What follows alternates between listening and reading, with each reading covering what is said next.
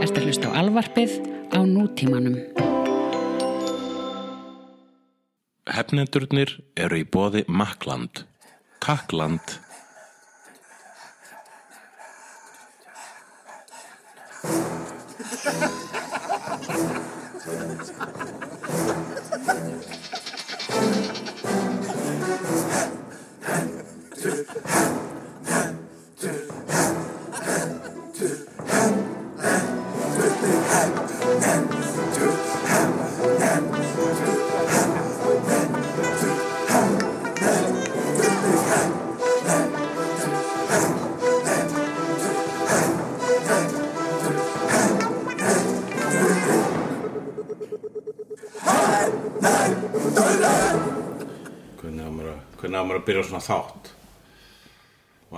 Byrja maður svona þætti?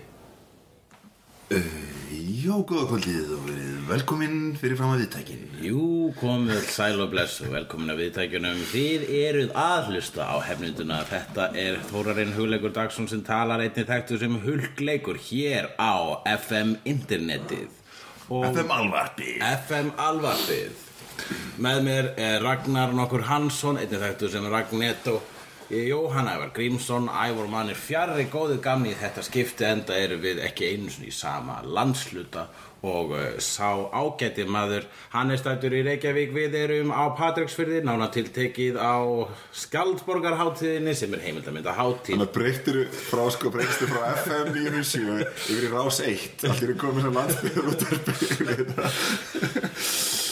um, Þú veit ekki eitthvað alvarpið orðið mikið landsbyrður út af byrður með vestfjara þátt náttúrulega sko.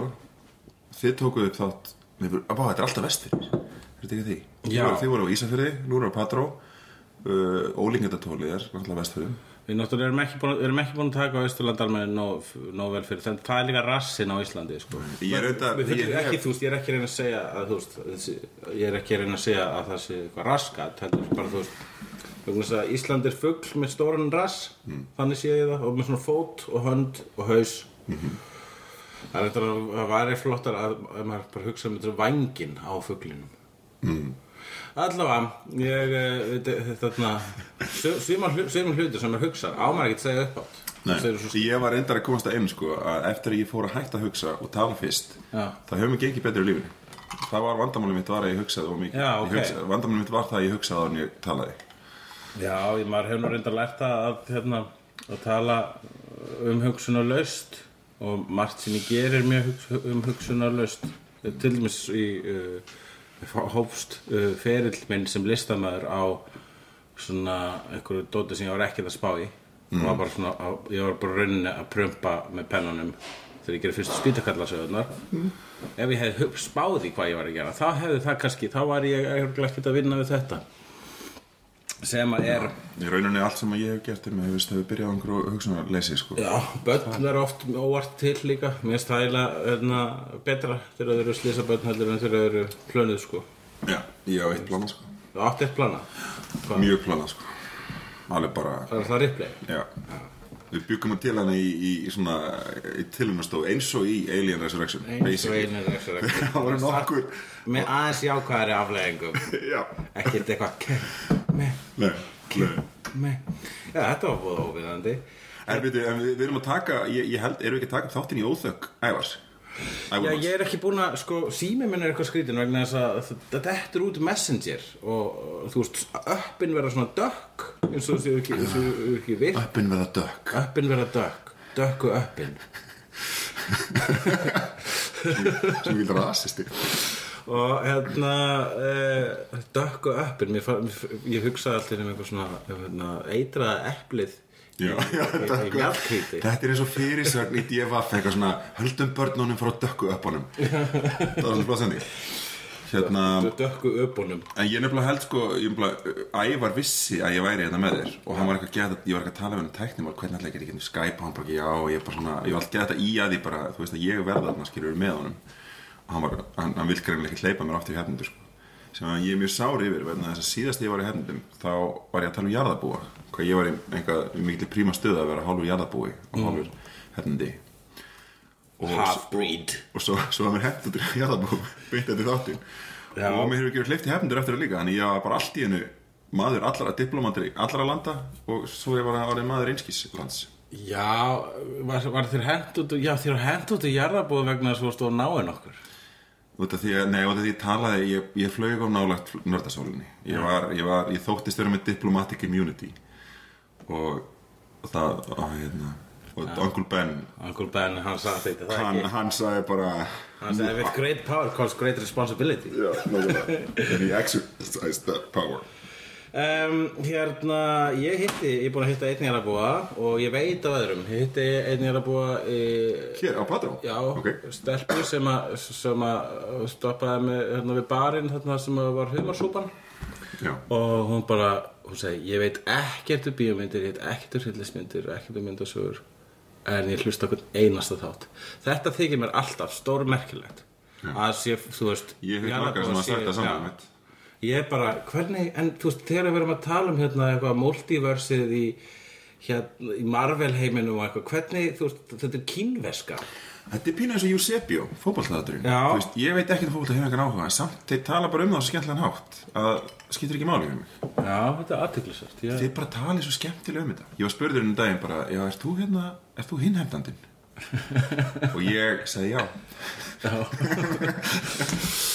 Blessa ég var Nei, herri, já, við erum svo Patrísfyrir Já. uh, á Skjaldborg heimildamindaháttíðinni Já, herru, ég var með, hérna, um, ég var með eitthvað svona, hérna, alltaf að vera með svona óskilt intro. Já. Það er svona síður að hafa alltaf eitthvað svona út í á undan, sko. Það er sniðut Segðu eitthvað óskilt núna Já, ég ætla að segja eitthvað óskilt intro núna, áður að ferum út í, Segðu eitthvað sem kemur bara alveg og allir er bara svona váka Veit hann að það er búið ít á rekord það er byrðað aðeins til að prófa þetta hérna. Um, hérna, ég uh, var með eitthvað pælingu, hérna, Hvað var ég að hugsa um daginn? Ég man það ekki Ég býð spennandi Ég man það ekki Hvað segirðu? Hérna, við erum á Við erum á Patrísfyrði, já, akkurat Heru, við, við erum hefnundur Og uh, hvað er að gerast? Hvað er að gerast? Við ætlum bara að fara fyrst hafa, hafa svona, þó að þetta sé óennilegur þáttur þá verður samt, við ætlum að hafa innan Já, já, já, já, já, Þannig að ég er með hérna ímislegt sem er að gerast. Það reyndar ekki mikið, ég, ger ekki miklu rannsóknu vinnu verandi búin að vera niðursokkinni vinnu og þessari kvikmynda hátíð However, ég er búin að hafa opin glugga hérna. Það er eitt náttúrulega mjög merkilegt sem gerðist sem var að gera Það var að Ísland var að vinna á Cannes. Já, Ísland var að vinna á maður. Fuck Eurovision Fogovision Funnum alveg kemur Fuckovision Þetta þetta er er ekki alveg svona Þetta er kannski ekki nördali mynd En þetta er kvikmynd. Er Þetta er kvikmynd og hún er um hrúta. Hún er hrúta. Og hún er eftir Grím Hákonarsson sem að er vel að þessu komin. Uh, hann hefur gert fallegar ég finnst alla myndir hans svo svo fallegar. Allt sem ég sé allavega sko. Og uh, já, byrju, hvað, hefur, hvað hef ég séð? ég hef séð sko hérna glímumynd Bræðra Bilda Já. Heitir hún. Var- Ég hef ekki séð kvikmyndina Sumarlandið. Sumarlandi, það var það sem ég Ég hef heyrst að hún hafi verið svona Ekki frábær. Ok, En ég held að Hann sé heldur ekki ánægð með hana. Og þess vegna var ég sérstaklega ánægð Þess að ég vissi í hvað í drengnum bjóð Bjó. Og ég hafi séð svo flotta myndir. Þannig að er ég bara mjög svo ánægður að það hafi gert greinlega mynd sem að Hann er alveg örglega ánægð með já, það getur maður má það núna, þú ko- komið með verðlunagreip og alles Þetta er stærstu velun sem íslensk kvikmynd hefur nokk tíma Þetta eru- Þetta núna- bara einhver stærstu velun sem að og það var ég óskandi að þetta myndi íta af stað blómatíma Þessu við vita af þessi stjórnaróðinu Já, að, stjórn, að ríkir stjórnarmyndinu kannski taka við sér. Hvað var ekki 30 Átt að segja á því að listsköpun og skapandi greinar eru sterkast í útflutningarinn. Ég held að það hefði verið rúmlega 30% ferðamanna sem var spurðir uh, myndist á það að kvikmyndir hefði verið inspiration. Íslenska kvikmyndir. Já, hefði verið hlutað inspiration að koma. Það. Og 2% nei, það voru, það voru hérna, Inspired by Iceland þannig kampænið Já. það voru 300 mann spurðir og það var eitt sem sagðist hafa heyrt um það. Já, það var ekki ástæðan okkur hótt Íslands. Nákvæmlega Uh, hérna, það er vissulega hafmyggjefni en ég var hérna með um, ég er með mér langar að gera kvikmynd ég þarf að fara að gera kvikmynd Mér líka, ég er að skrifa kvikmynd Þú ert að skrifa kvikmynd? Mm. Legna það? -hmm. Ok og viltu segja eitthvað frá því? Nei, en jú, þetta er uh, uh, Nei, þetta er svona uh, dramedy, eins og maður kalla það, meira comedy en þetta er svona uh, Back to the Future meets Mike Lee's Naked. Mér finnst þetta að vera besta pitch ná allra tíð. Eh, Ég er með ég er með hérna mitt pitch er svona ógeðslegustu sketsar sem hafa verið gerðir, gerðir á Íslandi. Ég ætla að byrja á sketsum sko. Og ég ætla að byrja á YouTube sketsum. Ég ætla að byrja að taka á eitthvað Já, þú, er, við erum búin að, þú varst að tala um þetta. Já, við erum búin að tala um þetta. Það ekki að það byrja sem er? Já, ég ætla að taka, ég ætla að taka það upp á iPhone. Já.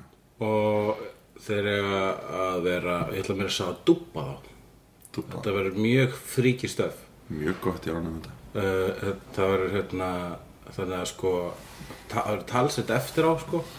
Og jafnvel svona stundum pínu úr syngi stundum svona gallað þetta verður uh, og þetta er, er, er eitthvað af sketsinu verður byggt á hérna dagatalinu mínu sem kom út núna síðast ári.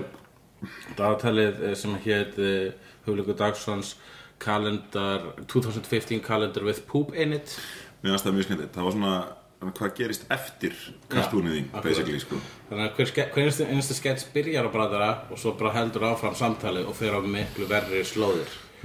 Og uh, hérna, Valdimar er búinn að uh, samþykja að leika uh, mann sem er að kaupa vændi af nunnu. Ok, mjög gott. Valdum að söngvari. Það er slett en hérna ég er með fyrir fram að mig skal ég þér segja mm. the hérna, uh, fall preview for new s- TV shows þannig að hér eru Spennandi. nýjir sjóðstættir sem Lay it on me. Já. Uh, það er þættir sem heita við tökum bara stafrásið hérna The Alienist okay. sem að er based on the best-selling novel by Caleb Carr this eight-part psychological thriller tells the story of then New York City Police Commissioner Theodore Roosevelt as he attempts to solve gruesome murders in 1896 og það er Ka Kari Figunaga sem er að gera þetta Já, sem gerði hérna True Detective. Þannig að þetta er sko svona Theodore Roosevelt í gamla daga að leysa málmál og bara það að Fikunaga er að gera þetta það geta þetta uh, uh, að ykkur sem að, að maður ætti að horfa á. Eina Það meinum var er dörglega skotið á filmu. Uh, True Detective var skotið Já, á filmu. það- það- Eh. Hann kraðist þess sko Hann er sem er eiginlega er eiginlega hægt að gera í hann mm Mhm. hann og Tarantino þá bara eru það einu sem gera? Ég er sko í sjómar, ég er að tala um sjómarpi sko. Það er, það er, ég ekki að segja alveg hægt en það er mörguliti hægt. Ég heldi niður á mig. Krabbi í út um allt maður Krabbfíðar yfir. Það sem er að gera núna er ég er að sleikja mér handabækið og ég held eiginlega bara á sem Herru, erum við ekki að plugga stúkuhúsið? Setjum Jú, uh, þessi þáttur er bóðið stúkuhúsins eða reyndar ekki til bóðar sem við erum að En við getum satt sagt þeim að við séum að plugga þig og kannski þurfum við ekki að borga. Tjekkum að því, ég nefnilega til í annan trappis um, Einu minn upp á uh, leikkonum heitir Jane Lynch. Mm. Og uh, var ástækin að henni í uh, þessum hérna, uh, myndunum hans uh, Christopher Guest. -hmm. þeirri trilógíu sem að væri líka hægt að taka fyrir Já, trilógíu. Hvað, Best in Show, Waiting for Guffman og Mighty Wayne Mighty Wind, og svo náttúrulega fjórða hérna For Your Consideration. Já, hún er ekki, ekki mockumentary, þannig ég tek hann ekki með. Nei, það er rétt hér, hún er ekki, hún er samt í svona og hún líka léleg.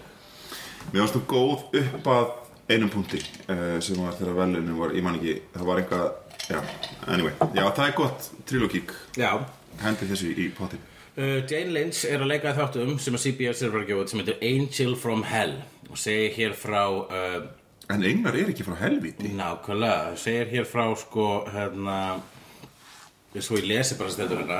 Jane Lynch stars as Amy who claims to be a guardian angel of Allison sem að Maggie Lawson leikur uh, Together the duo forms an unlikely friendship. Even though Allison can't decide if Amy is actually just crazy. Jep, ok, Kevin Pollack leikur í þessu. Þetta eh, getur verið það, en getur líka svo Fýtt pitch. Herru, það Neil Patrick Harris hinn ósigrandi Neil Patrick, Patrick Harris NPH, eins og við köllum hann Doogie Howser hann Og ba ba Barney Stinson og Barney hann er að leika hann er með þætti sem heitir Best Time Ever. Og þetta er basically þetta er live þáttur af honum að vera awesome live. Þetta er svona variety show. Ok, betur það það? byggt á, byggt á hérna, bresku bresku þætti sem heita Saturday Night Takeaway með Ant og Deck sem eru hérna Simma og Jói Breitlands Ok, um, Blind Simma Spot. Jói Brið Blind Spot heitir þáttur sem að segja frá því þegar kona vaknar út ötuð í alls konar tattúum nakin á miðju Times Square og svo kemur FBI og segir hver ertu, hvaðan kemur hver er, hvert er leyndamál þitt? Og hún man ekki neitt. Og þetta er svona þáttur sem er ruglað með miljón cliffhangerum og við fáum aldrei að vita hvað er að gerast og lóksins þegar við fáum að vita það þá verðum við hægt að, hægt að horfa það Munum ekki svona hvernig það byrjaði? Og, og okkur skýt saman. Akkurat, Ég mun aldrei, mun aldrei horfa á hana þátt. Já, aldrei, ég ég, það- hata hana þá Ég hata hana þátt. Er þetta er vesti þáttur sem ég hef séð eða ekki séð. Já, nákvæmlega, þetta er raunin að vestast þáttur er að vestast sem er komið fyrir mannkynni ég hef actually ekki þessar tilfinningar um hann þátt, ég þetta gæti að vera gott en uh, í augnablikinu lítur þetta út fyrir það er nefnilega málið Ég það veist að koma fram að ég hef actually þessa tilfinningar. Já. Aldrei hata neitt. Já, Já, mikið. Það. Er bara eitthvað sem segir mér að þetta verður svona, svona dularfullur þáttur þar sem að maður fær aldrei vita neitt og að lokum er maður bara orðið þreyttur. Um, það er uh, að koma uh, eitthvað sem að heitir Containment sem að er new drama from Vampire Diaries and Originals boss Julie Plec tells the story of an epidemic that breaks out in Atlanta forcing a large portion of the city to be quarantined leaving those stuck on the inside to fight for their lives while being tragically torn apart from their loved ones. Uh, Ég veit það ekki, þetta er, þetta er gott konsept en þetta, ég, það sem er hérna, poppar upp í hausnum á mér er þátturinn The Dome sem fjallaði líka um bæ sem að lokaðist og það reyndist vera drasl. Um, Nú er hérna, Ég mun aldrei á þennan þátt heldur. það er komið nýtt Criminal Minds Criminal Minds típundur Beyond Borders sem er um þegar Amerikanar hafa það slæmt í útlöndum. Svona expats. Ekki, not immigrants, expats. Þú veist að, að, að hérna það eru allir immigrants í öllum löndum nema hvítir, hvít fólk frá Vesturlundum Þeir eru alltaf expats. Expatriate.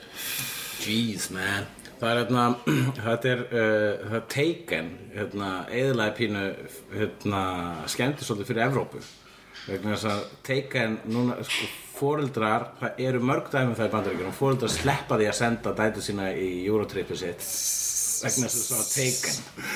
Og En er þið senda, Liam Neeson með Hann ætti eiginlega bara. Frakland ætti Og gerast um ekki París Allan fyrsta eða ekki Hérna, Frakland ætti í raun og veru bara að gera hann einhvern ambassador Ráða hann bara Ráða hann bara í starf einhvern veginn sem öryggisfulltrúa í Fraklandi Það Þá myndi cool. túrist að koma sko. Þá myndi þið þóra Í Amerikana sko. Og bara, það, ég, ég vil langa til að taka það eitthvað tíma fyrir þessu hérna, gömlu kalla actionmyndir gráa, actionið það sem að hérna, gæla kallar að það er komið svo mikið af þessu og, og, og, og, maður veit eins og núna var hérna, nýjast dæmi sem ég langar mjög mikið til að sjá hérna, myndin hans uh, Keanu Reeves sem myndir John Wick eða eitthvað alveg Hann er samt alltaf síungur Hann, ég veit það, ég, ég, þegar ég sá, þegar ég sá að hann var í svona mynd þá var ég bara, ó, er hann kominn á þannan aldur? það er alveg Kevin Costner er búinn að gera þetta og núna Sean Penn, þú veist, er búinn að gera þetta. Harrison Ford er búin að gera þetta í 50 ár. Já, Og uh, Já, það er bara spurning hvernig maður fyrir yfir þetta sko svo eru þættir sem þetta DC, sem er DC's Legends of Tomorrow. Ég átti nefnilega spjall, netspjall við uh, Ævar og hann var að tjá sig um það að hvað DC uh, er ekki að standa, að, bara, að standa sig.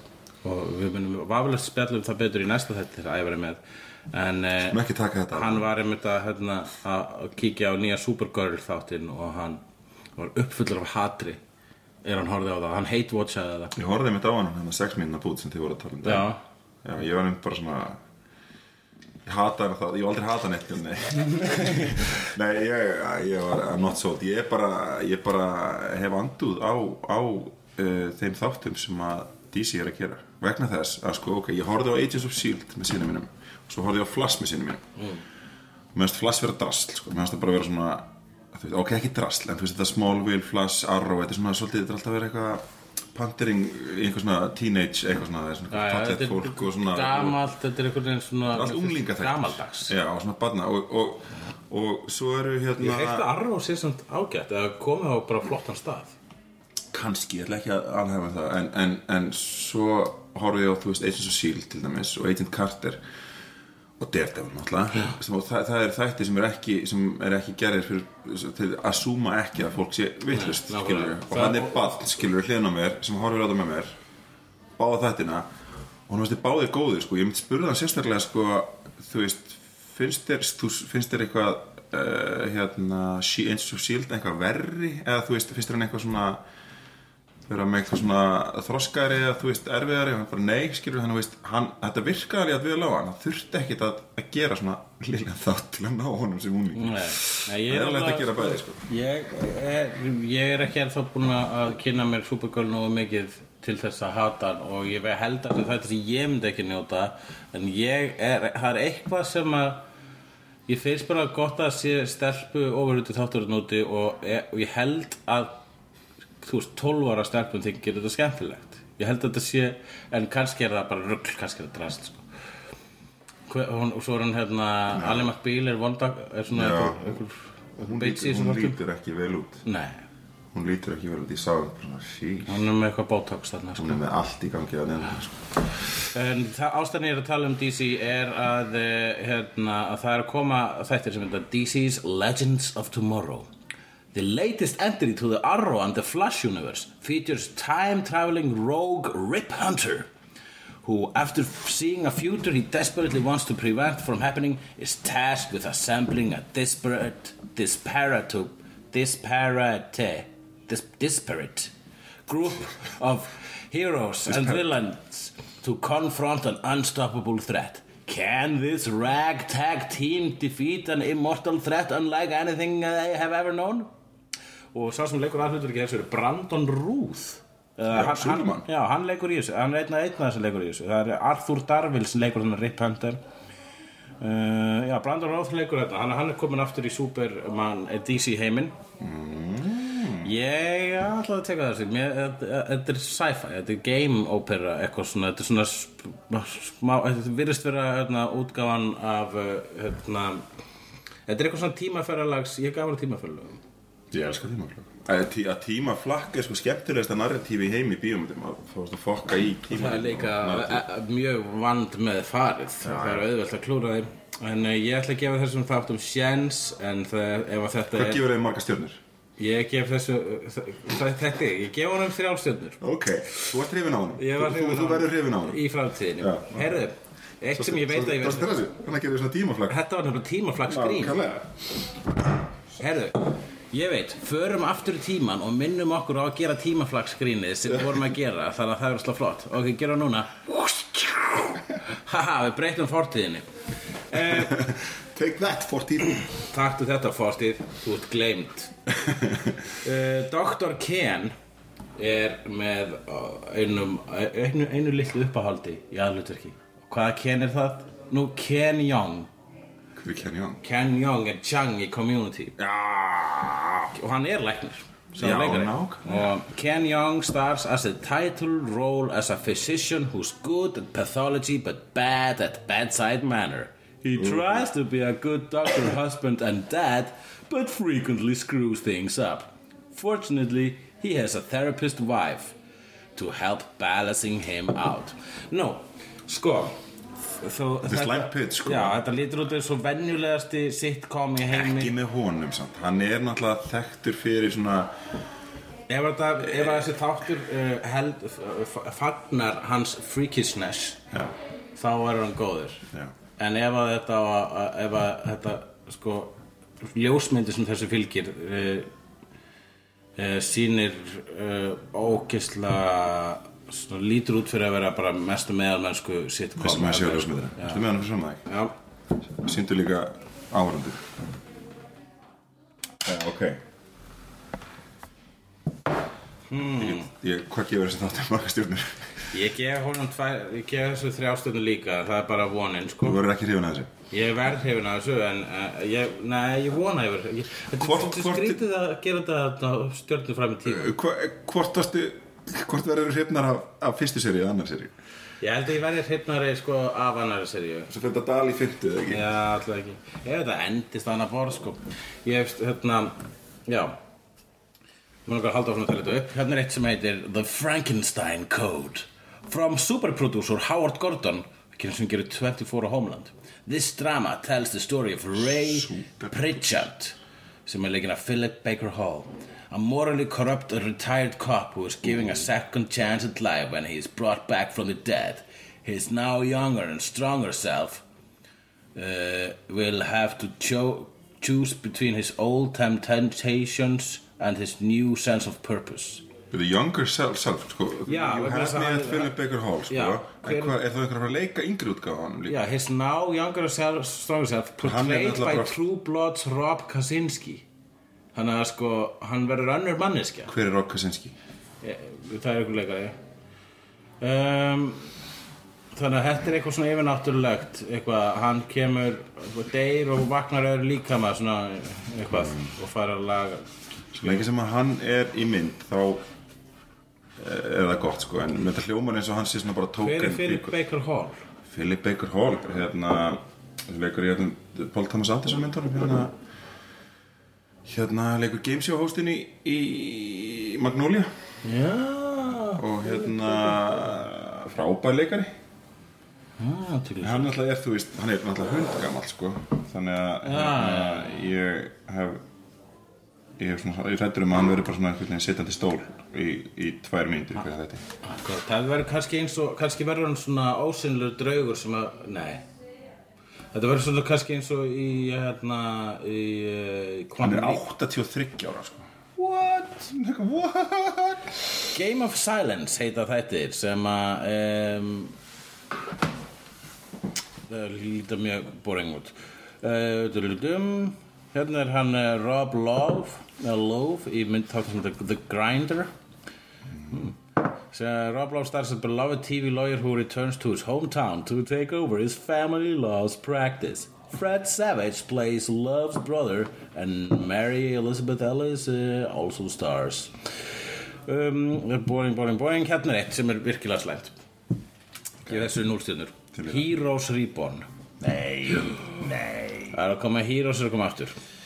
þetta hljómar eins og comic book tíðil líka sko einhver svona eh, relaunch af einhverju brandi ok, já, já Chuck's Zachary Levi stars in his 13 episode miniseries that, like the original series, steals lots of plots from the X Men. burn No, no. Like the original series, features ordinary people trying to understand and live with their extraordinary abilities. Málið við þetta er að hérna, uh, Heroes, sko, var, þegar ég horfði fyrstu þættina af Heroes, það var bara æðislegt. Og svo bara, svo, var það svo fljótt slæmt. Aðalega vegna þess að var einmitt, sko, það var nokkuð ljóst að þeir sem skrifa þetta vissu ekkert hvað var að fara að gerast. Af hverju verða þættir svona slæmir alltaf sko, Amerikator, ég spáði svona ég held ég húki fólk með að gera góða þætti og það er svona, það er, ég held að, ég held að hugsi sko hey, how can we sell a shitty program I know, we'll make it really good to begin with Já. and people will get hooked and then we'll just make it shitty Já, ég, svo, svo, sko einhvern veginn það sko, ge- þetta gerist svolítið svona snemma á nördavórunni þetta Heroes dæmi og þetta er Heroes það sem ég kalla gallaböksna ofurhetjur það er að segja ofurhetjur sem er ekki ofurhetjur búningum Já. sem að mér finnst alltaf síðra en- en ég skil það upp á realism mér finnst góð galla, gallaböksna ofurhetjur myndir til dæmis uh, Chronicle mm. Ertu að fara niður að koma er eitthvað að drekka? það skiptir stól en ég get alveg bara nýtt þessa ferð. Hvað hvort þú nennir að að- þetta er bara áfram að tala. Þetta, þessu, já, ég tala bara hérna einn þá Nú er ég einn. Ragnar fór niður. Ég veit ekki hvað ég var að segja. Mér skrítið að vera hérna einn. Mér skrítið að vera ég. Að vera fullorðin Ég fór í sund. Ég fór í sund í gær. Mér líður aldrei Ég viðkenni aldrei að ég sé fullorðin nema þegar ég fyrir sund. Þá segi ég einn fullorðin Það er það sem ég er Einn fullorðin Og hæ, já um, um, Já, Heroes Það sem að er uh, um, We don't need another heroes We don't need another heroes Það er einu sem við þurfum að segja þetta er eitthvað titil að þáttin Já, algjörlega. Uh, Hot and Bothered er með, þættir með Evu Longoria sem að uh, leikur hérna a, a willful but popular diva who is a star of Latin America's most beloved telenovela. She strives to stay on top in a world where the drama on camera is nothing compared to what goes on behind the scenes. Hættu nú alveg. Bla bla bla bla. Ok, hérna er eitt. Limitless, mannstu bíómyndir Limitless? Já. hún er að fara að vera þættir. Ok uh, Hún- hún var fannst- fín. hún var fín. Mér fannst konceptið allavega dásanlegt og ég er svona Konceptið var náttúrulega þetta er- alveg þetta er- þetta stupid, sko. fantasía. Ég er bara svona, ég vil doskast í þetta svona pillu. Og hérna en það sem að var sko glata var, mér finnst það glata að hann sko notaði þetta ekki alveg rétt. Það fór bara eitthvað svona í, enda að fara í pólitík og eitthvað svona og ah, og ætlaði að vera fossiti ég held að svona maður væri með allan heilan virkan þá myndum maður fatta að þú nær miklu meira valdi ef- Það mútti ekki fara í pólitík. Já, myndir ekki verið pólitík. Það væri nú samt gaman ef það væri einhver með fullan heilan virkan í pólitík sko. Já, það var ennum svolítið cool. En hérna sko, hérna stendur sér Based on a 2011 film of the same name This drama stars Jake McDormand and Brian Sinclair Who, after discovering the power of the mysterious drug NZT Is coerced into using his new abilities To solve weekly cases for the FBI Boring. Weekly cases? Já. How convenient. How very convenient. Og Jennifer Carpenter og Dexter leikur líka í þessu. Sko, af hverju? Oh, af hverju að gera procedural uh, glæpa þátt úr þessu konsepti? Af hverju ekki bara að gera þátt um gaur sem allan heilan virkan og hvernig hann þú veist bara hans sögu að leysa, það eru allir hættir að leysa mál Dragons and Fragons hvað er það? En það er það selur Og hér er nefnilega annað dæmi um svoleiðis kjaftaði. Lucifer, hérna frábæru myndasögur, spin-off af Hellblazer. Tom Ellis stars as the Er það titular... spin-off af Er það ekki spin-off af Sandman? Já, spin-off af Sandman, fyrir ekki. En það, já, jú, jú, jú, jú, rétt hjá þér. En Sandman, Hellblazer og, og Lucifer gerist í sama universi. Mm. Um, Tom Ellis stars as the titular character from the DC Comics when the Lord of Hell gets hella bored with his day job he leaves his realm and moves to Los Angeles. Þetta er nákvæmlega sem gerist í myndasögunum. Og þetta er mjög skemmtilega myndasögur. Where he gets his kicks by helping the LAPD punish criminals?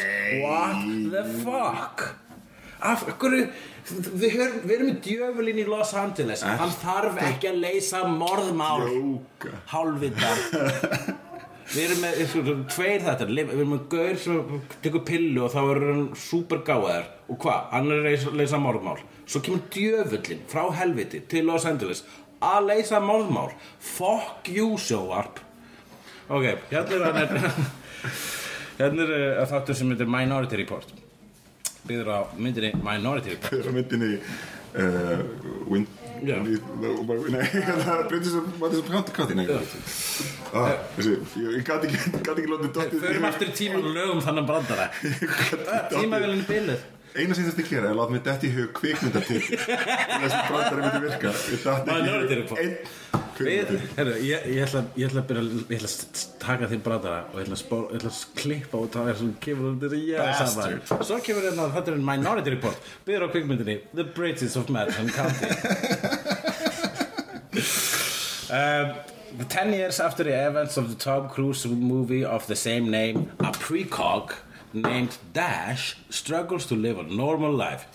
He gets help from a detective and find a purpose for his powers. Hvað allir það sé að leysa normal um, Muppets. Eru þarna þeir líka fannir að lesa mál örgulega This, The LAPD gets an unlikely help from a bunch of Muppets. This time is for grown-ups. The mockumentary will take Wasn't a look it always? Er þetta mockumentary? Yeah, Okay. we'll take a look at the personal lives both at home and at work of Kermit, Miss Piggy and the rest of the gang. The Big Bang Theorist Bill Prady and Bob Cushel are co-writers and executive producers. Þetta getur við Þetta getur nú alveg Ég verið. gef þessu fimm stjörnur. Já, ég hef ekki Þetta þessu er besta sem ég sé uh, King of Kings and Prophets. An epic biblical saga told through the eyes of a battle-weary king A powerful and resentful prophet and a resourceful young shepherd on a collision course with destiny. Þetta er svo, svo óljóst hvað er að gerast hérna. Það er alltaf kongur. Og þetta er eitthvað biblikal uh, og Ray Winston, hann er awesome. Okay. Þetta er eitthvað svona hérna, eitthvað, eitthvað svona perioda, eitthvað gamla daga dót Perjóda uh, perioda mm, svo er hérna þættir sem að heita boring, boring, boring, boring, boring, boring, boring Rush Hour.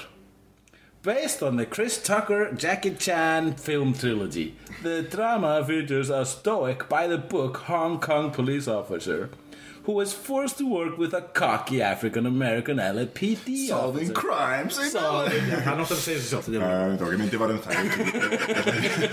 Dís, leið mér að giska. Er að leysa málma um, En uh, rosalega er, mi- er, sko, er, er, er fyrðulega mikið af, af sjónvastáttum byggðum og bíómyndum að koma en það hefur, Það er- alltaf, það hefur alltaf Það verið hefur alltaf verið En það er eitthvað svona meira af því núna sko. Og það er kannski og líka vegna einhver þess að svona það er búið- ólíklegustu myndum einhver bara gömlu myndum Sko, já, það er bara gott að blessa. Ég, ég er að spá einu sambandi við sjóasætti Ef maður myndi fá, fá allar skilning um veruleikan út frá leiknum sjóasætni þá myndi maður halda að það sé bara þrjú störf í bandaríkjunum og það er löggur, læknar og lögfræðingar. Skik, skik, og all, allir eru skignir. Og allir er skiknir og eru líka djöflar. Uh, Scream Queens. Þetta líst mér vel á Scream Queens Yeah. Okay. This first installment in a new anthology series from Ryan Murphy, Brad Falchuk and Ian Brennan series What? Þetta er vittlust skrifað hér This first installment of a new anthology series tells the story of a college campus that rocked by a series of murders.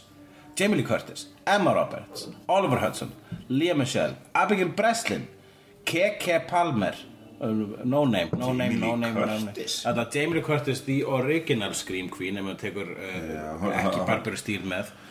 Halloween. Hérna, maður langt sér maður hefur séð hann. Þetta er anthology, þetta er svona eins og... já, þetta er svona American Horror Story típa ykkur Já, nei, þetta er svona, held ég bara, hver þáttur er sjálfstöð saga, svona eins og, night, eh, eins og Tales from the Crypt, eða Amazing Stories, eða Twilight Zone.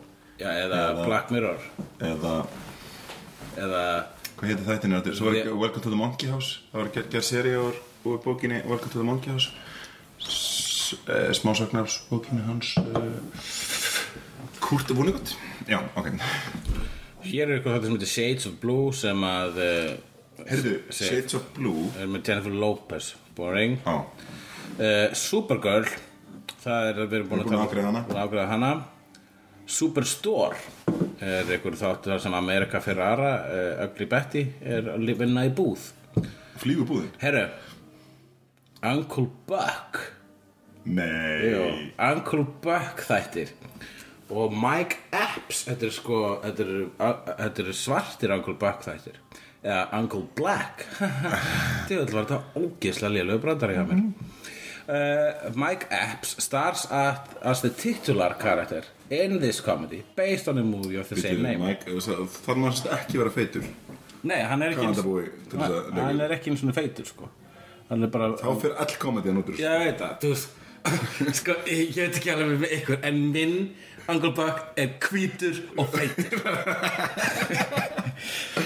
Uh, Tells the story of the irresponsible man who becomes his nieces and nephews babysitter in exchange for a place to say blah blah boo, blah blah blah. His unconventional personality just make uh, may make him the right fit for the family, and they may also be the answer to his problems.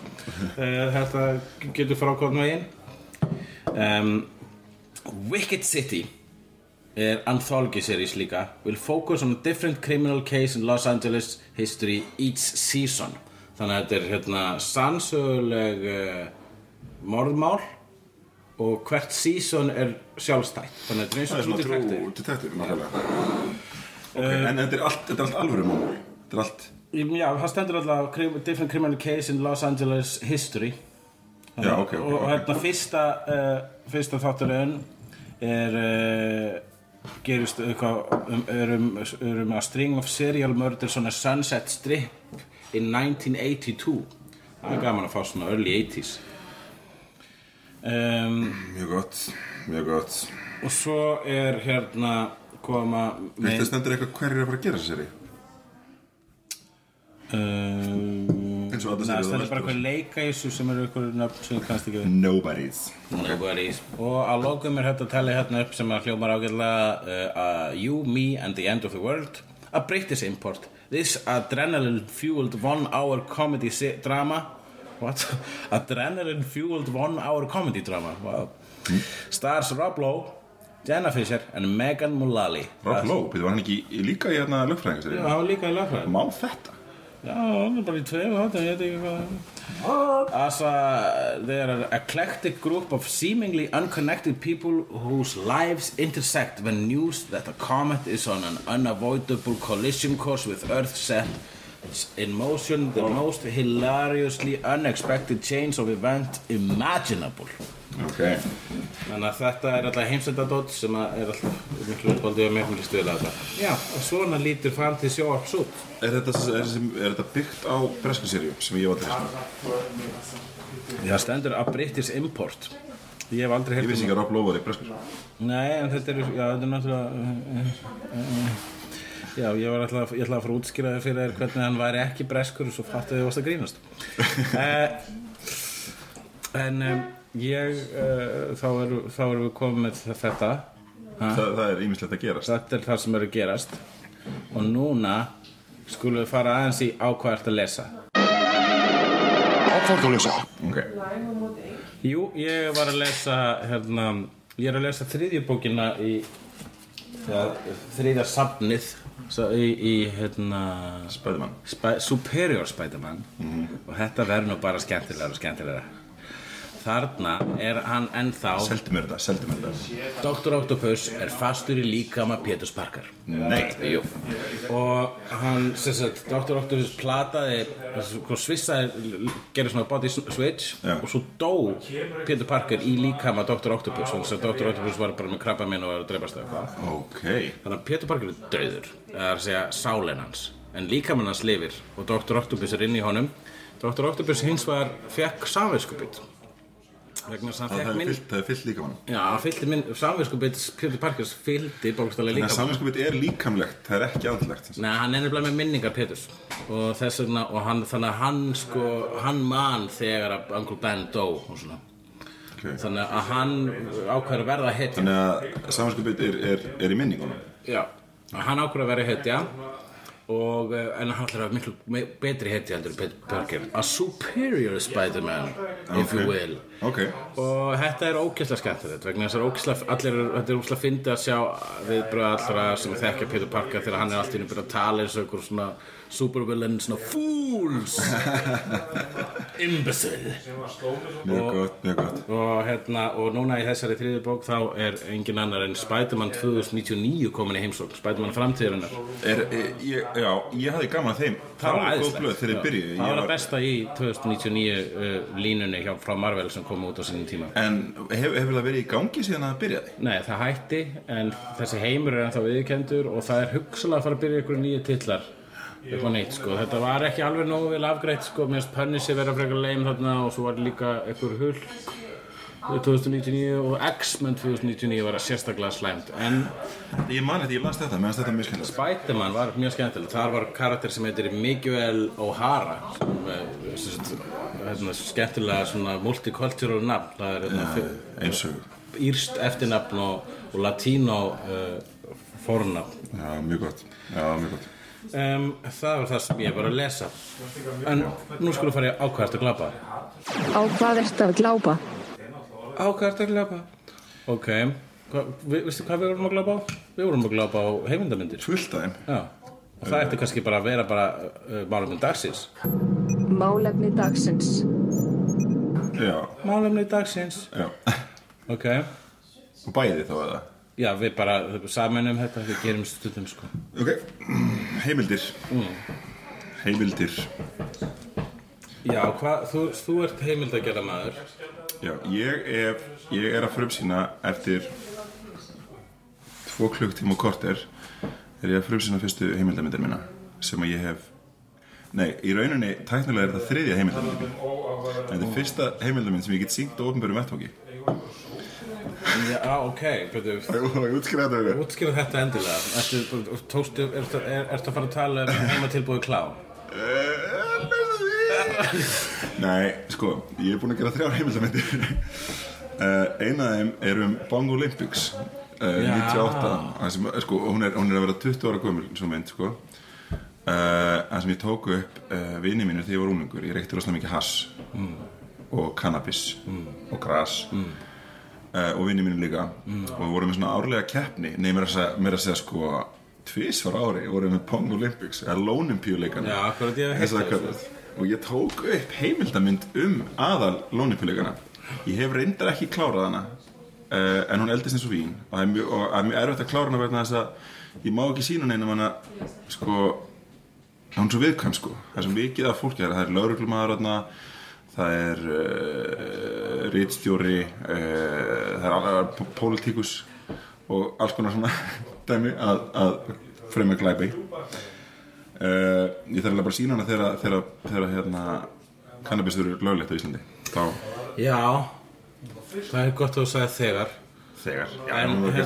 og hinn myndin er sem sagt Ég er náttúrulega mjög mikið að sjá já, ég ætla að klára hana, það er bara mjög erfitt að finna tíma til að klára mynd sem er engin peningur í og ég má ekki sína Ég meiri hugsa til hérna einmitt heimildamöndina sem ég sá hérna um, sem Frosti Gringo gerði mínus. Mm. Það var einmitt svona einu sinni verið eða Já, ekkert að vera sínd neitt að henni ráðu vegna þess að hún er svo svakaleg Nákvæmlega. Hún var æði Já, ég heist það. Ég var ekki vistatur á þessa einu síningu. Hinn heimildamindi sem ég gerði hefur bara verið sínd einu sinni. Hún var sínd á færtisamali Björgúls Þórs Björgúlssonar á Jamaica inn á milli 50 Cent og hérna, Jamaica okay. mynd sem að hérna, ég gerði fyrir ammalið Sett, konan hans fekk mig til þess að gera þessa mynd um hann. Og hún er fín sko, hún er um hann sko og það er, það er ekkert svakalega krassandi í henni en hún er bara svona persónuleg mynd sko. Og þú veist, það er bara að gjöfa einn á gjöfunum. Já. Þannig að þú veist ég, Hljómar áleika hljó, hljó, Hljómar sko Jafn boring og lólimpíuleika myndin hljómar aðteklisverð Mhm. enda er hún er náttúrulega boring fyrir allan nema einn mann sko. Já. Að, og ég seldi, þú veist, þetta er bara mest selvat sem ég náttúrulega gert sko. Það getur sett þetta kvóta á DVD Boring fyrir allan nema einn mann. Nákvæmlega. En það er ekkit, þetta er bara boring mynd En þetta er, hún er samtalið bara, hún er klukktum á löng sko. Og þetta er alveg alveg mynd sko. Og hérna Æðislega fyrir hann, þú veist, djúlega ég til í bara eitthvað borg einhverjum einhvern Þeir gerði heimildamynd um mig? Já Þetta er svolítið það sem ég er að fara að upplifa í kvöld Já, þetta er rétt. Svo er það þriðja myndin Fyndið sem er frumsynda eftir Og sem ég hef nú svolítið talað um, sko, hér og það Ég leikar kannski leða mjög tími það En ég fór með Tira Ara til, til Finnlands Og hún fjallar svolítið uppistand Og þú ert svona rauðið þráðurinn í þessu. Hún er svona svolítið mikið um þig The craft of the standing up. The Craft. The craft of the standing up. Já, en það er mjög gaman að gera Það er mjög gaman að gera heimildum Þú hefur gert heimildum, kjæftaði, þú hefur gert heimildum Já, ég hef gert heimildamind Já. Ég gerði heimildamind sem heitir Hugleikir og uh, var útskriftaverkefni mitt í LHI var 100 mínútur þegar ég síndi hann í LHI á útskriftasýningunni en svo þegar ég, svo einmitt kom ég á fyrstu skjálborgarháttíðina sem var 2007 og þá var ég þá klifti ég myndina aftur niður í 35 mínútur Uh, það var á nokkra ástöður fyrir því. Ég, kom, ég var búinn að læra að uh, hérna, vera auðmjúkur og eða, þú veist, var búinn að átta mig allavega á því að, ba- að, að hvert einasta skot er ekki snild. Eiginlega flest eru drasl eins og hérna og einmitt það sem að hann, hérna, Werner Herzog segir þegar hann, hann, sko, hann er á móti því að fólk sé að taka upp alveg svona biljón, skriljón klukkutíma fyrir heimildin mynda. Because in order they, to take all, all the millions of hours in order to find a gem. You will not find a gem you will find mediocre shit. Og hérna og uh, en alltaf ég skilt hlutinni í 35 mínútur og fyrsta leið bara svo að vera hægt að horfa á hana í öðru leið vegna þess að reyndist vera að einn hérna af viðmælendum mínum í þessari mynd sem fjallaði um roleplay uh, svona Dungeons and Dragons og svo leiðis og spilar af þess uh, skemmtilega leiks Einn af þeim viðmældum mínum komst í djefafréttir vegna þess að hann sparnaklám á tölvunans og ég bara, "Æ, ég nenni ekki að hafa þarna þennan kall í myndinni minni, ég nenni ekki að sverta orðspóru roleplay. Þannig að Þetta er ekki bara, roleplay, ekki bara barnaperrar ekki bara barnaferðan hann er klitt út barnaferðan. Og, uh, og þessi mynd var bara hún er ágætt sko. Og hérna ég held ég ætla að henda henni Ég sé hana, ég sé stuttu Já. Mér ástu mjög skemmtileg. Ætla að henda henni á YouTube eitthvað ég, ég líka, eh, bara, þetta er skemmtilegur heimur sko. Það er gaman að taka, kom fara inn í svona heim og gera heimildamynd eins og þú veist. Svona uh, heimildarmynd uh, ég hef náttúrulega verið mjög mikið í kringum uppistand sem þessi mynd fjallar um. Og, um, hef, og það er mikið frá mörgu að segja þar þetta er svona áhugavert innlegg í þá um ræðu en við erum búin að sjá ýmsar myndir hér. Þetta er búið að vera frábæratið ég sá mjög flotta, mynd í uh, morgun sem að var hérna um, uh, eftir hjám, hjám til Heið, Heiðdal föður, föður Lóu Línu, fyrir Lóu. Sem að heitir áttur Lói eða ekki? Jú. Í, á hefndamáli og hérna þetta máli, hvað hér myndi sem hann gerði?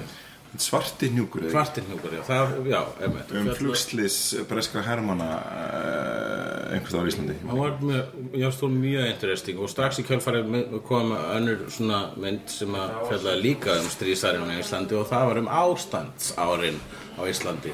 Hún The hét- original hvað slut shaming of Icelandic women. Hún hétt hérna stúlkutin á Kleppjárnsreykjum. Já, ég get ekki munna nafnið á þessu stað. Ég bara Nei. Kleppjárnsreykjum þetta, er- eru þrjú erfið orð.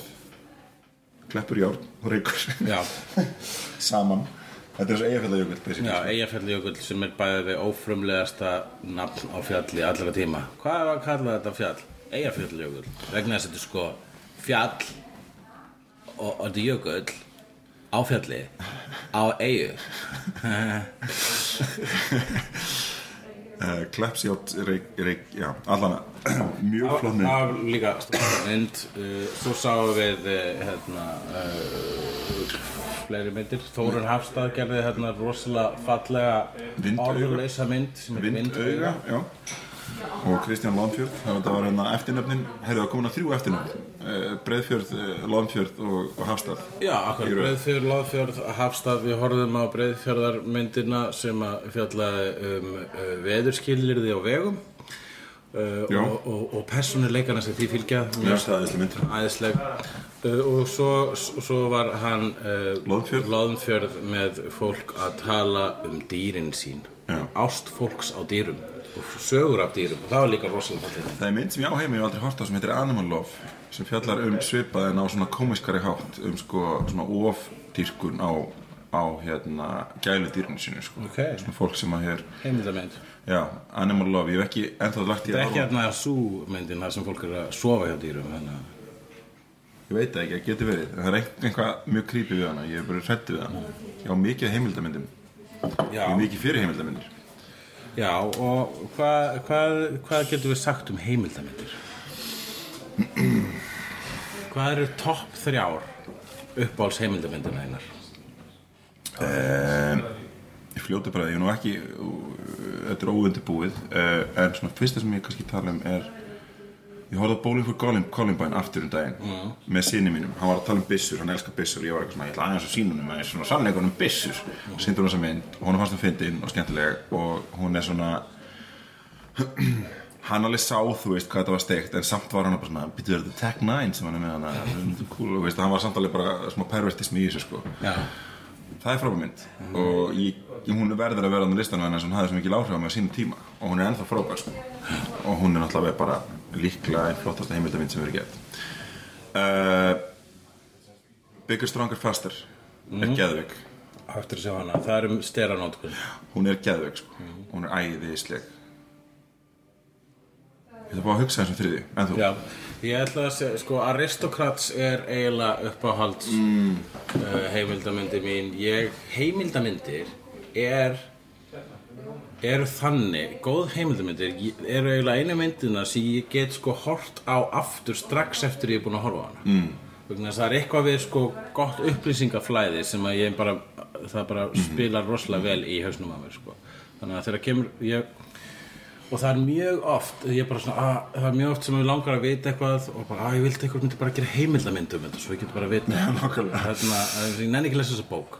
Og það var einmitt hérna, þeirri bæn var svarað loksist til að koma hérna um daginn uh, uh, hérna myndin hann Scientology uh, Going Clear. Going Clear, já, ég horfði hann þegar, hún var frábær. Og, æðislega sko og einmitt, þú veist, ég horfði hann bara svona aftur daginn eftir sko. Og það er sko það var, það var líka sko það svo nöðsilegt á hann kæmi vegna þess að uh, Scientology er búin að komast svo mikið upp með uh, uh, með svo mikið að ógeði og með því sérstaklega að vera bulli af fólk sem reynir að afhjúpa það með því að reyna að eyðileggja og brjóta fólk sem reynir að afhjúpa það þegar við tekist það oft. Þannig að þess vegna var einhvern veginn bara svo stokkuslegt að þeir skildu loksins HBO skildi skella þessa mynd og líka raða til sín hvað var það 600 lögfræðingar. Bara svona þau byggðu vegg af lögfræðingum u- utan um HBO höfðustöðunar svo að hérna voru bara viðbúnir undir það ára var frá bara nöðsynlega mynd og bara frábær. Ég, það var einu önnur heimildamind, sorry, sem ég sá um daginn. Uh, það er þryggja á YouTube er þryggja klukkutíma heimildamind um Vanilla Ice Já, mér langar að ég sjá horfði á svona Ironic klikt fyrst en ég horfði á hana síðan alla. Þetta er svona heimildamind innan gæsalappa. Já, þetta er raunar bara saman klipp af bara hann, honum í sjónvarpinu bara í þrjú ár og bara maður horfir á hana feril. Þetta er ma- með, ég var heillaður sko. Var þetta, kom atriðina þegar hann mætti í hérna, Arsenio Hall þáttin já, Það er stórkurslegt viðtal. Við hvernig var þetta það, ma- hann mætir Arsenio Hall hann Vanilla Ice og það var þetta sko, það var einmitt sko umdeilt hvort, þú veist, það voru margir sem bara fannst að vera fake og svo leiðis og, og hérna og það var eitthvað búið að afhjúpa það að, að hann væri ekki alveg gangst sko, hann væri bara eitthvað middle class krakki. Og hérna þannig að hann mætir Arsenio Hall til þess að bæta ímynd sína og það misefnast þess að Arsenio Hall hann tekur eitthvað bullshit sko. hann, nefnilega, var- hann var mjög spjallháttastjórnandi já, vegna þess að hann var ekkit hann er aldrei að kissa rassa sko. ef hann leggst ekkit á þann sem hann var að tala við þá bara lét hann vita. Og það var eitt sem að hérna, gerist til að hann, hérna, hann, hann Vanilla Ice lappar inn á, inn á sviðið og er bara svona áður en að sest þá segir hann alltaf Flavor Flav, Flavor Flav in the house yo. Og þá kemur alltaf Flavor Flav. Og hann hilsar aðanum og þeir faðmast svona eins og þeir séu svo miklu vinir. Og, og svo hérna fyrir Flavor Flav aftur bara í sætið sitt hann var bara eitthvað sítandi á kantinum og Arsenio bara svona so what uh, what's going on? Why did you? So did you bring Flavor Flav here to to make you look cool or something? og hann bara na na og þú veist og hann, hann talar svo aðstæðlega það er eitt sérstætt við þetta viðtalið sem ég sá það fyrst leikið af Paul Shear og Görnum sem leikur Schmidt í New Girl Uh, það er að segja Paul Shear er grínisti sem er með frábært podcast sem heitir How Did This Get Made og fjallar um já, já. Hann er líka með mjög furðulegt svona, mjög furðulega YouTube sketsa þar sem hann leikur Arsenio Hall í gömlum Arsenio Hall viðtölum orð fyrir orð og ræði til sín leikara til að leika gestina það er rosa skrítið, það er mjög fyndin leið til að horfa á gamalt Arsenio Hall dót Ég þarf að segja, það er snill Ertu búin að sjá talandi podcastara sem er endur, endur leika orð word by word, hérna, Harry Shearer sem var í fréttunum um daginn að hætti Simpsons. Hann er með þátt sem heitir eitthvað, ég manni hvað er en með podcast, ég manni hvað heitir aldrei. Já, er hann hann var að gera þætti uh, um Richard Nixon sem er á YouTube þar sem hann, en Richard Nixon létt setja hlerunabúinu í, í Oval Office. og síðan komst hann yfir þess að, þetta eru opnbæður gagnegni hann komst í þetta Harry Shearer allan að þessar upptökur. Og hann er með bara endur hann leikur Richard Gere, nei Richard Gere. Richard Nixon. Nixon, Ger, Ja, Potato sami maður. Og hérna í bara make-upi bara, veist, í svona uh, perfect hérna uh, hérna endurgerð af Oval Office. Word by word. Það er, það er eins og komedía sko. En þetta er samt alveg útidúr. Já, bara mjög góður út úr Ég ætla að tjekka þessu algjörlega. Þa, Þetta er einmitt dæmi Þetta er svona man vil ekki ég, hvað þessi svona vil ég fá mínar upplýsingar. Já, Leiknar af Simpsons leikurum nákvæmlega. Eh, Hérna, ég Já, ég myndi segja sem sé að uh, Aristocrats væri allavega eina af minnum allra uppáhalds uh, heimildamyndum það er sko, hún er tæknilega ekkert eitthvað framúrskarandi. Það er bara viðfánsefni sem er svo drullu áhugavert. Og það er það að það er bara fjallar um þannig eina brandara Er Teller sem gerir hana? in-joke, já, uh, Penn gerir hana. Já. eða hann er allavega í- eitthvað viðriðin hana. Og Riðiðinn. Hann er riðviðinn hann er eitthvað að ríða við, við, er- við, hún er við, við, við riðin við erum riðin við riðin uh, hérna, já, hún var aðeinslega það er bara sko, það er líka hún segir svo margt um húmor og þetta er svona eitthvað neginn og þetta er svona þessi, þessi, þessi, þessi brandari um aristokratana sem er Ég ógeðslega myndi segja hún og Fyndið séu bestu heimildum sem er að gera um grín Já, já, alveg tímalega löst sko. Já, ég myndi segja það og svo er sko, síðan er spurning sko, sumar heimildamindi sem að ég er, er ekkert að horfa aftur og aftur það er þessi sem er um svona þungmálefni sko, eins og Capturing the Freedmans Á, hún er geðveik Hún er geðveik. Hún er geðveik. Já, og hérna hefur sér True, hefur sér Crazy Love. Pittu, já, pittu Það fjallar um mann sem er svo ógeðsla, það er saga af manni sem er ógeðsla ásvækjana ekkur konu og byrjar að stolka hana. Og hún meikar það ekki, þetta er sönn saga. Náttúrulega, þetta er heimildamind og ég eiginlega sko já, það sem gerist sko er spoila pínu þess að þegar það kemur í heimildamindinni þá er maður bara what, en það kemur samt alveg það kemur snemma í heimildamindinni þannig að það er ekki uh, þetta er, þetta eiginlega hvort þið er alpitchið, ég skal bara segja það. Uh, hann sér þetta er svo að hann er deyta þessu konu og hún bara já ok, hann finnst hann svolítið lúðalegur og það eru margir gaurar sem eru hrifnir af henni þannig að hún fyrir að deyta eitthvað annar gaur. Og þá brjálast hann mætir til hennar og mætir til hennar og skvettir síru framan í hennar og blindar hennar Já, ok.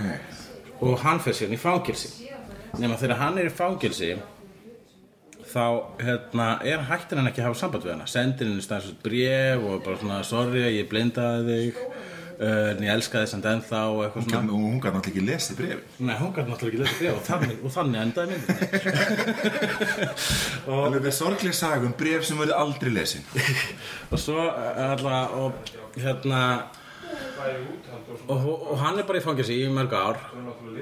Og svo hérna en hún svona reynir að halda áfram að lifa lífinu og hún verður einmana vegna þess að þú veist hún har miklu erfæri núna fyrir, að finna, fyrir hann að finna date. Hún mm. finnur það ekki, hún er svona blind.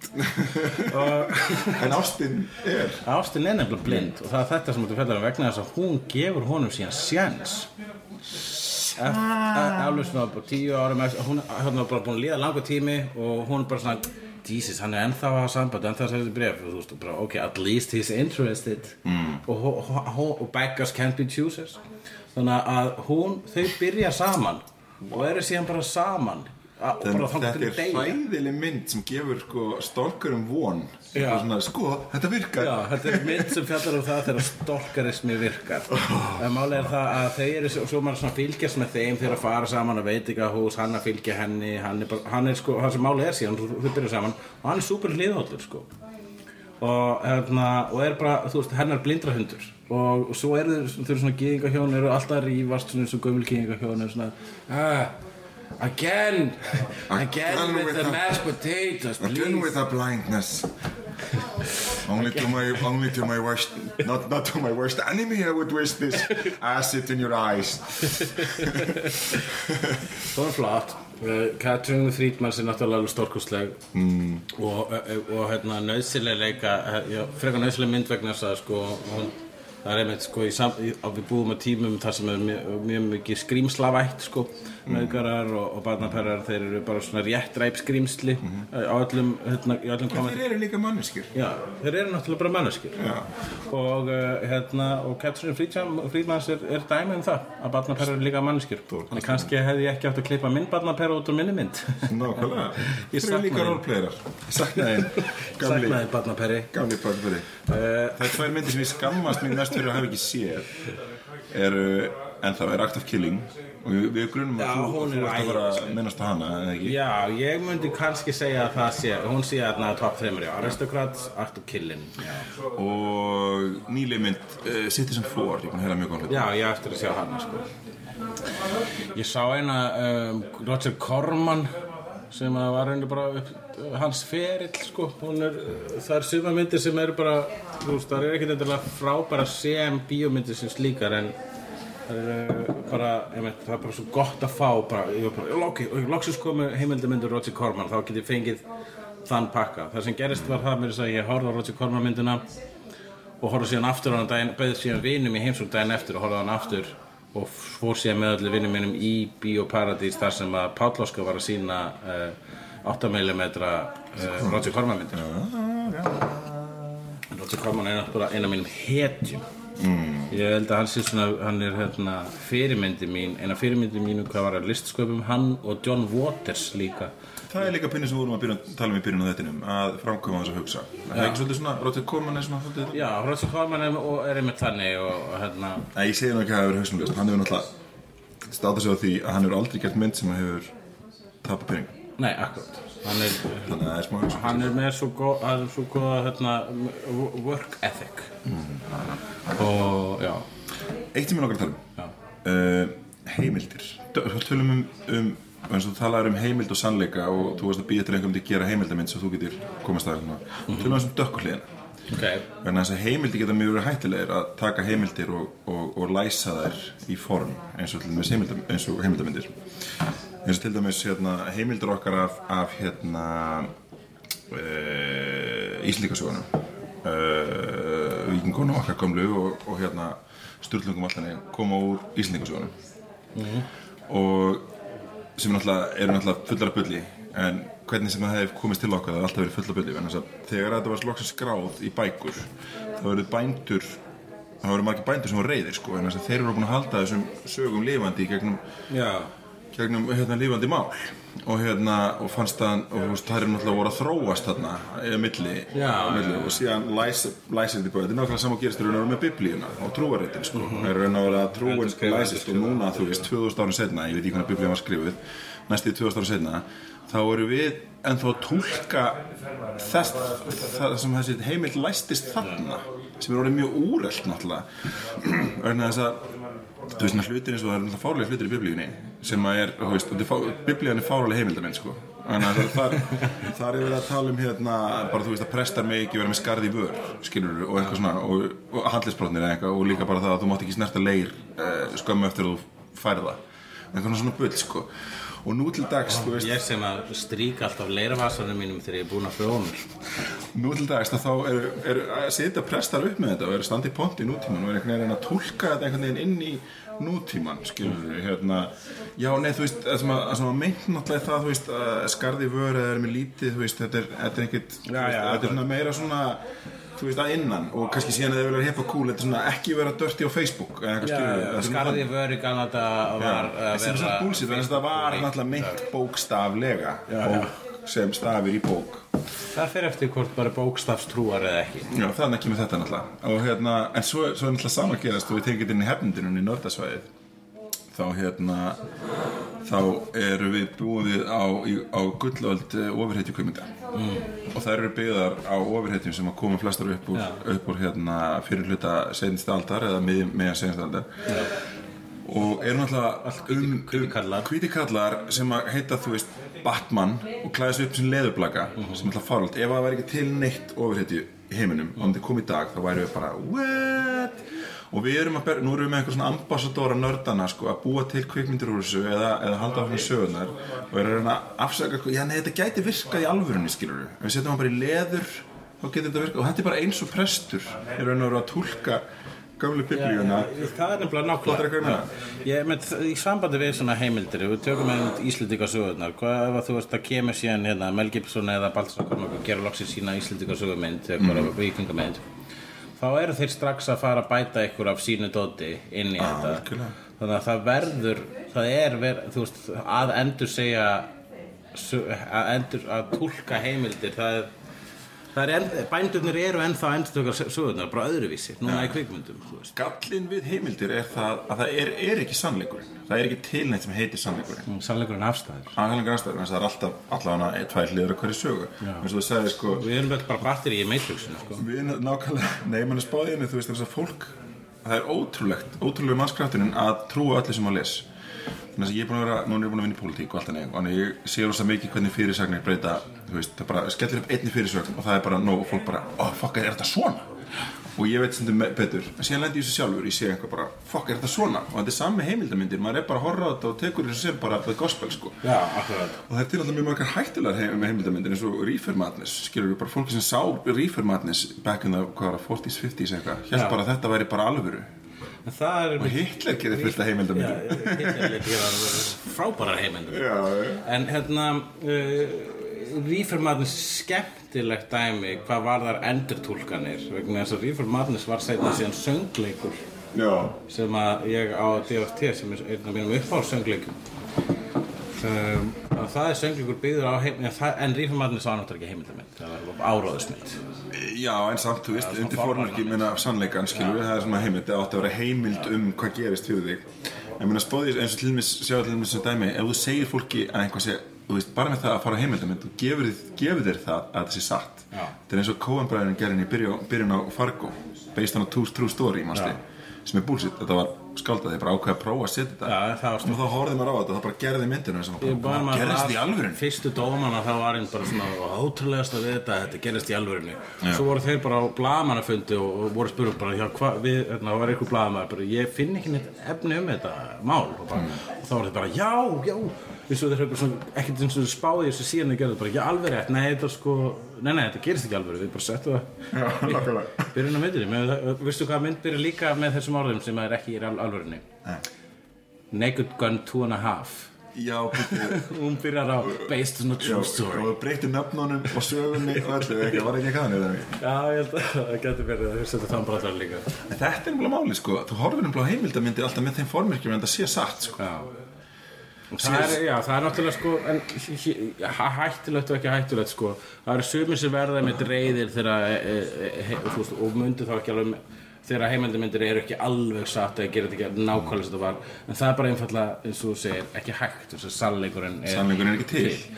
og það er náttúrulega uh, en ég ma, ma, verandi vanur glápari þá veit maður alveg hvað er maður hvað að, veist, að það er kvikmynd að gera fólk sem er að setja þetta saman og það er að setja þetta með sínum geðþótt ákvarðunum og sínum stíl þannig að og bara Michael Moore er gott dæmi um þetta til með þetta fræga, fræga atriði þarna þegar hann fer í og fer í bankan og far byssuna. Já. og, og það var þryggjadaga prósess en í myndinu látið lítið út fyrir að vera mínútna prósess. já, ok. og þannig að þú veist hann íkti sannleikan sem er svo er og, og, alltaf, heimild að gera fólk gera það, það ígjör alltaf sannleikan, og mér finnst það alltaf lagi. Og það var Herzog sem sagði með sko facts do not constitute the truth. Og hann vil meina að, að sko uh, Sannleikurinn er teganlegt hugtak. já að hafa hérna já sa- að uh, ha- hann er mitt bætir mjög oft skáldskap í sína myndir. Eins og held ég myndir sem að gera hérna um Suðurpólinn uh, þá kemur kvót frá frægu skáldi til að byrja með. Mm. Nema það er ekkert frá þessu fræga skáldi þetta er bara eitthvað sem Herzog bjóð til. Já. hún langaði til að hann bara fekk eitthvað fekk eitthvað kvóti í hausin nema hann vildi ekki setja sitt nafn. Þannig að setja eitthvað frægt skáld í stað Setti. Já, fyndið. og það var bara, og bara, og hann- bara hann gerði það til þess að fólk myndi taka þetta kvót og líta á það sem eitthvað stærra. Það er að ef einhver fokkar í kerfinu þá er það uh, Werner Herzog að hann er duglegastur í því og, og, og hann eins og þegar hann setur inn hérna, neðanjarðar albino og krokodíla í hellamyndina sína og það eru ekki inn krokodílar þetta var bara, Já, ok.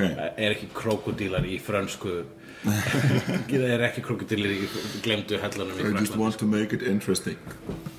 Of course, I, hann, var- hann vissi ekki um þú veist, það var- þegar hann var að kenna þá var hann bara I don't even know why I did that I just wanted to have the alligators it was just an idea I had Þetta er, þetta er það sem er áhugavert, sko. Já, staðrindir, það sem hann segir basically, staðrindir eru ekki sannleikurinn. Nei. og vegna þess að uh, sannleikurinn er svona uh, það sem hann kallar, hann kallar illuminating. Það er eitthvað sem þér finnst vera satt það sem talar til þín, þú segir já, nákvæmlega. Sannleikurinn? Og þú getur alveg sett lígar í heimildamind lígar en ekki þess að bara eða bara einfallega eh, sem einnig þekkt sem skáldskapur. Mm. til þess að kryddana til þess að gera hana sterkari uh, og hún verður þó að uh, og skáldskapur er ekki og þarf ekki að vera skáldskapur getur verið sannur mm. og það kviknar eitthvað innra með þér mm. en það er náttúrulega sko og svo blessunlega eru ekkert allir leikstjóra þannig, sumir eru bara að reyna að vera í snákvæmir og að geta og það er til allir skalin af Þá heimildagjara geta myndin ára stundum svolítið leiðilegar. Það geta orðið það. Þannig að það sannleikurinn er stundum bara mjög leiðilegur. Frekar, ég meina þú veist Sannleikurinn er ekki til. Og X-Files laugað okkur.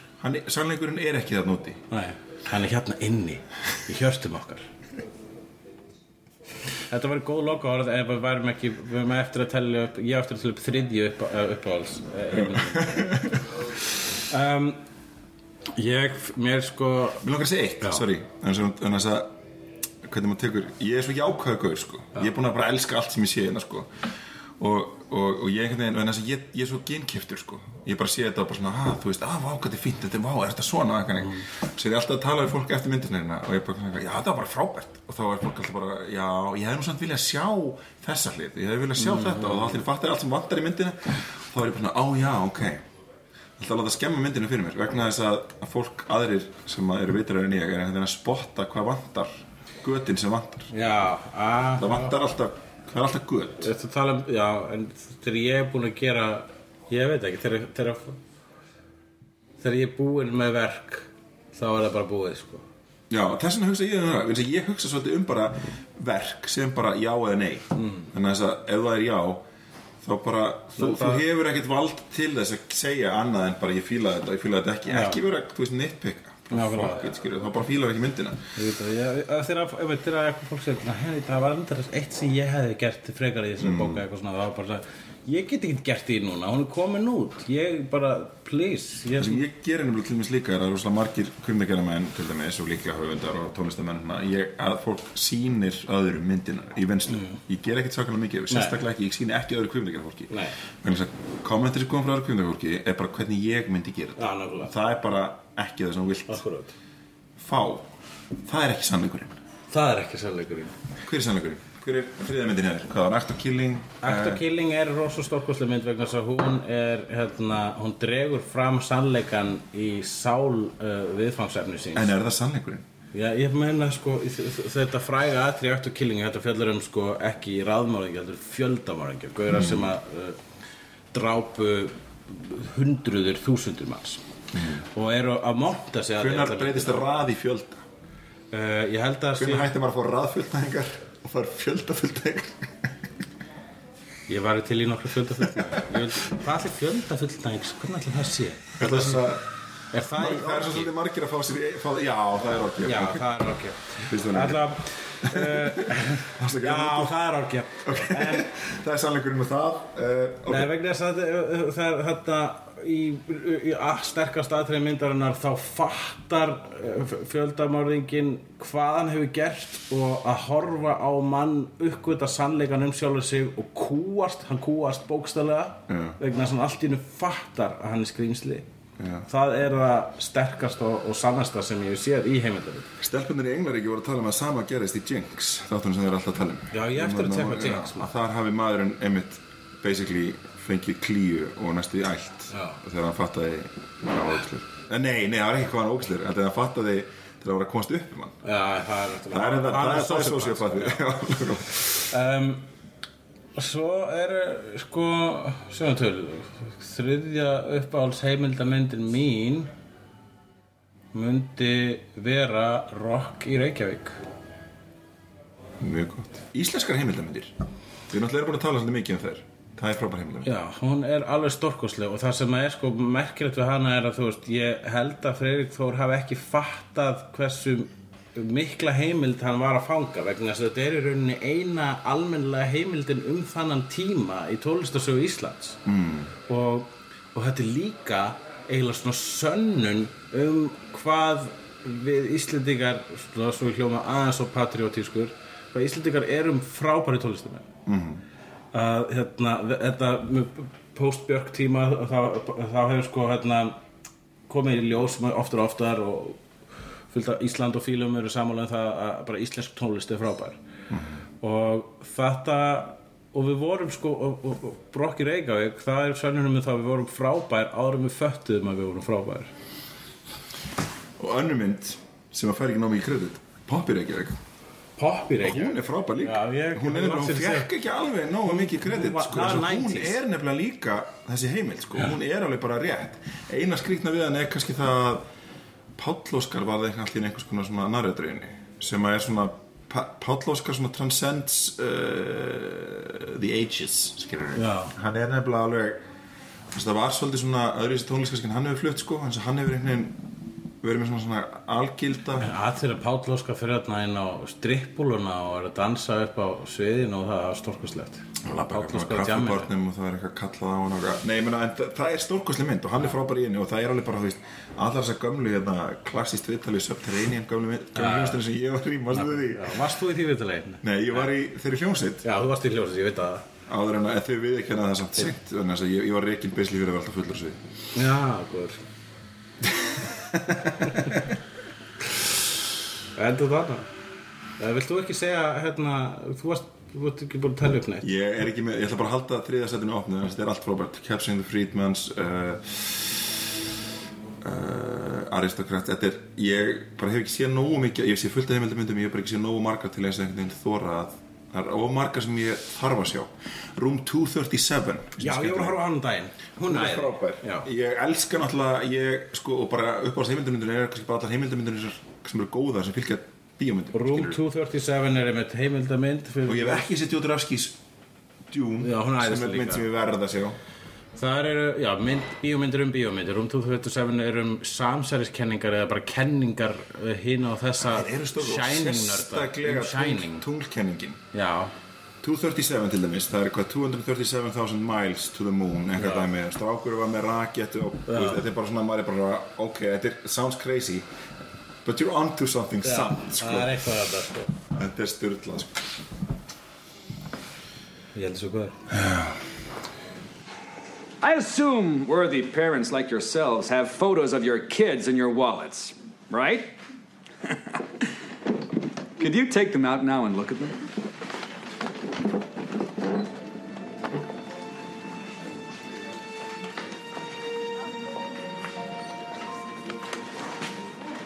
Fine looking young lad. Why, she's the spitting image, isn't she? You all looking carefully? Good. For those pictured before you are the designated targets of a deadly assassin. An assassin of youth. A new drug menace destroying our children in alarmingly increasing numbers. Marijuana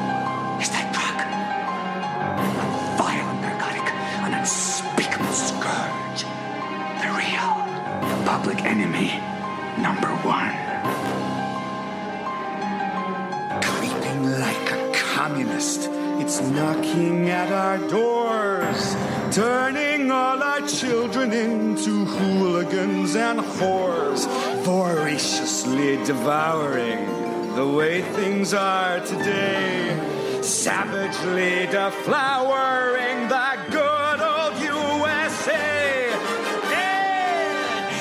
Reefer madness, reefer madness.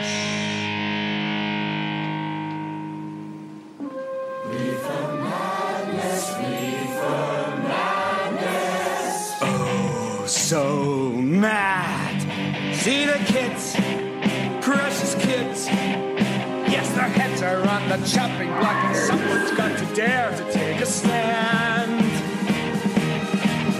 Can't ignore anymore. It could be your son or daughter with a deadly stick of reaper in a hand.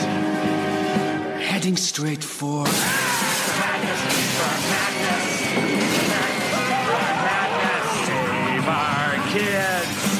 Stealthy as a socialist, it slithers up our shores, turning all our children into hooligans and whores. The smoking bowl of evil bears the choking stench of sin. It burrows like a weevil under tender Christian skin. This Reaper Madness, Reaper Madness, Reaper Madness, Reaper Madness. Oh, so mad. Pull the wool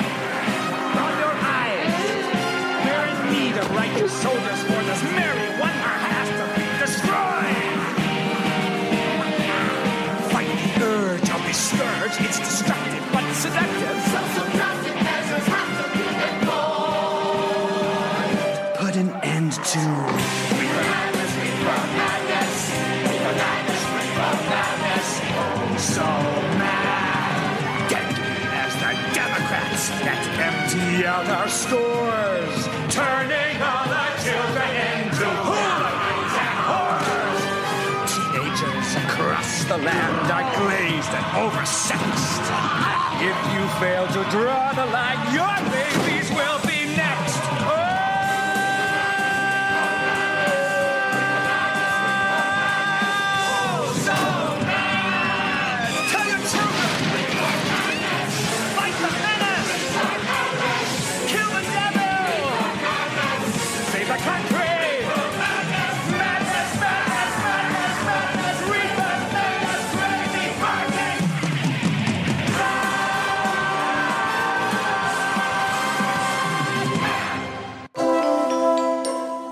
fleiri skemmtilega alvarpstætti á nútímin.is.